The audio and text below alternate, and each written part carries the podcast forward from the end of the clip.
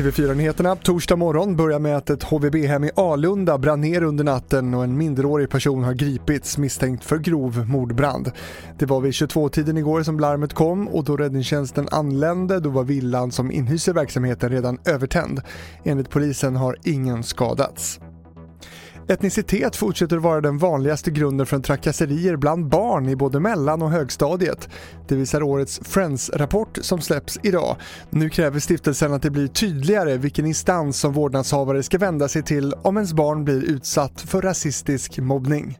Vi kräver att det blir tydligt vilken instans som kan ta sig an ett ärende när ens barn har varit utsatt för trakasserier kopplat till etnicitet.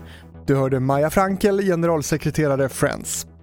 Till sist om en polis i Sörmland som misstänks för grovt rattfylleri sedan han stoppats efter att ha kört i fel färdriktning på E20. Det här skriver Eskilstuna-Kuriren.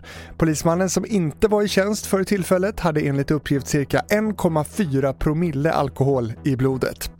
Det får avsluta TV4-nyheterna. I studion Fredrik Rahlstrand.